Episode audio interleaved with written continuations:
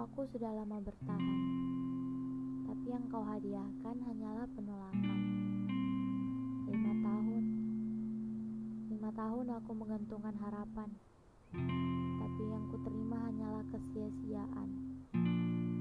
Kalau memang bukan ia yang digariskan untukku, mengapa perlu ada perasaan yang tidak sepantasnya menjadi miliknya? Bukankah sekedar temu saja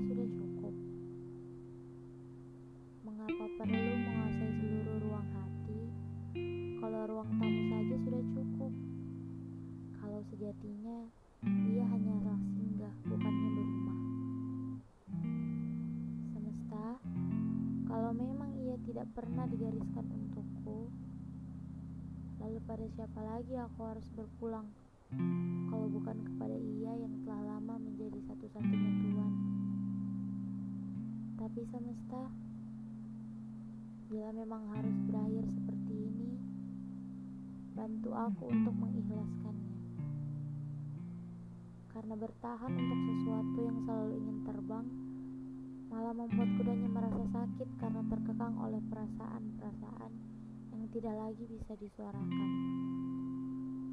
Semesta, bantu aku. Bantu aku mengakhirinya dengan keikhlasan. Karena aku percaya, merpati yang terbang selalu tahu jalan.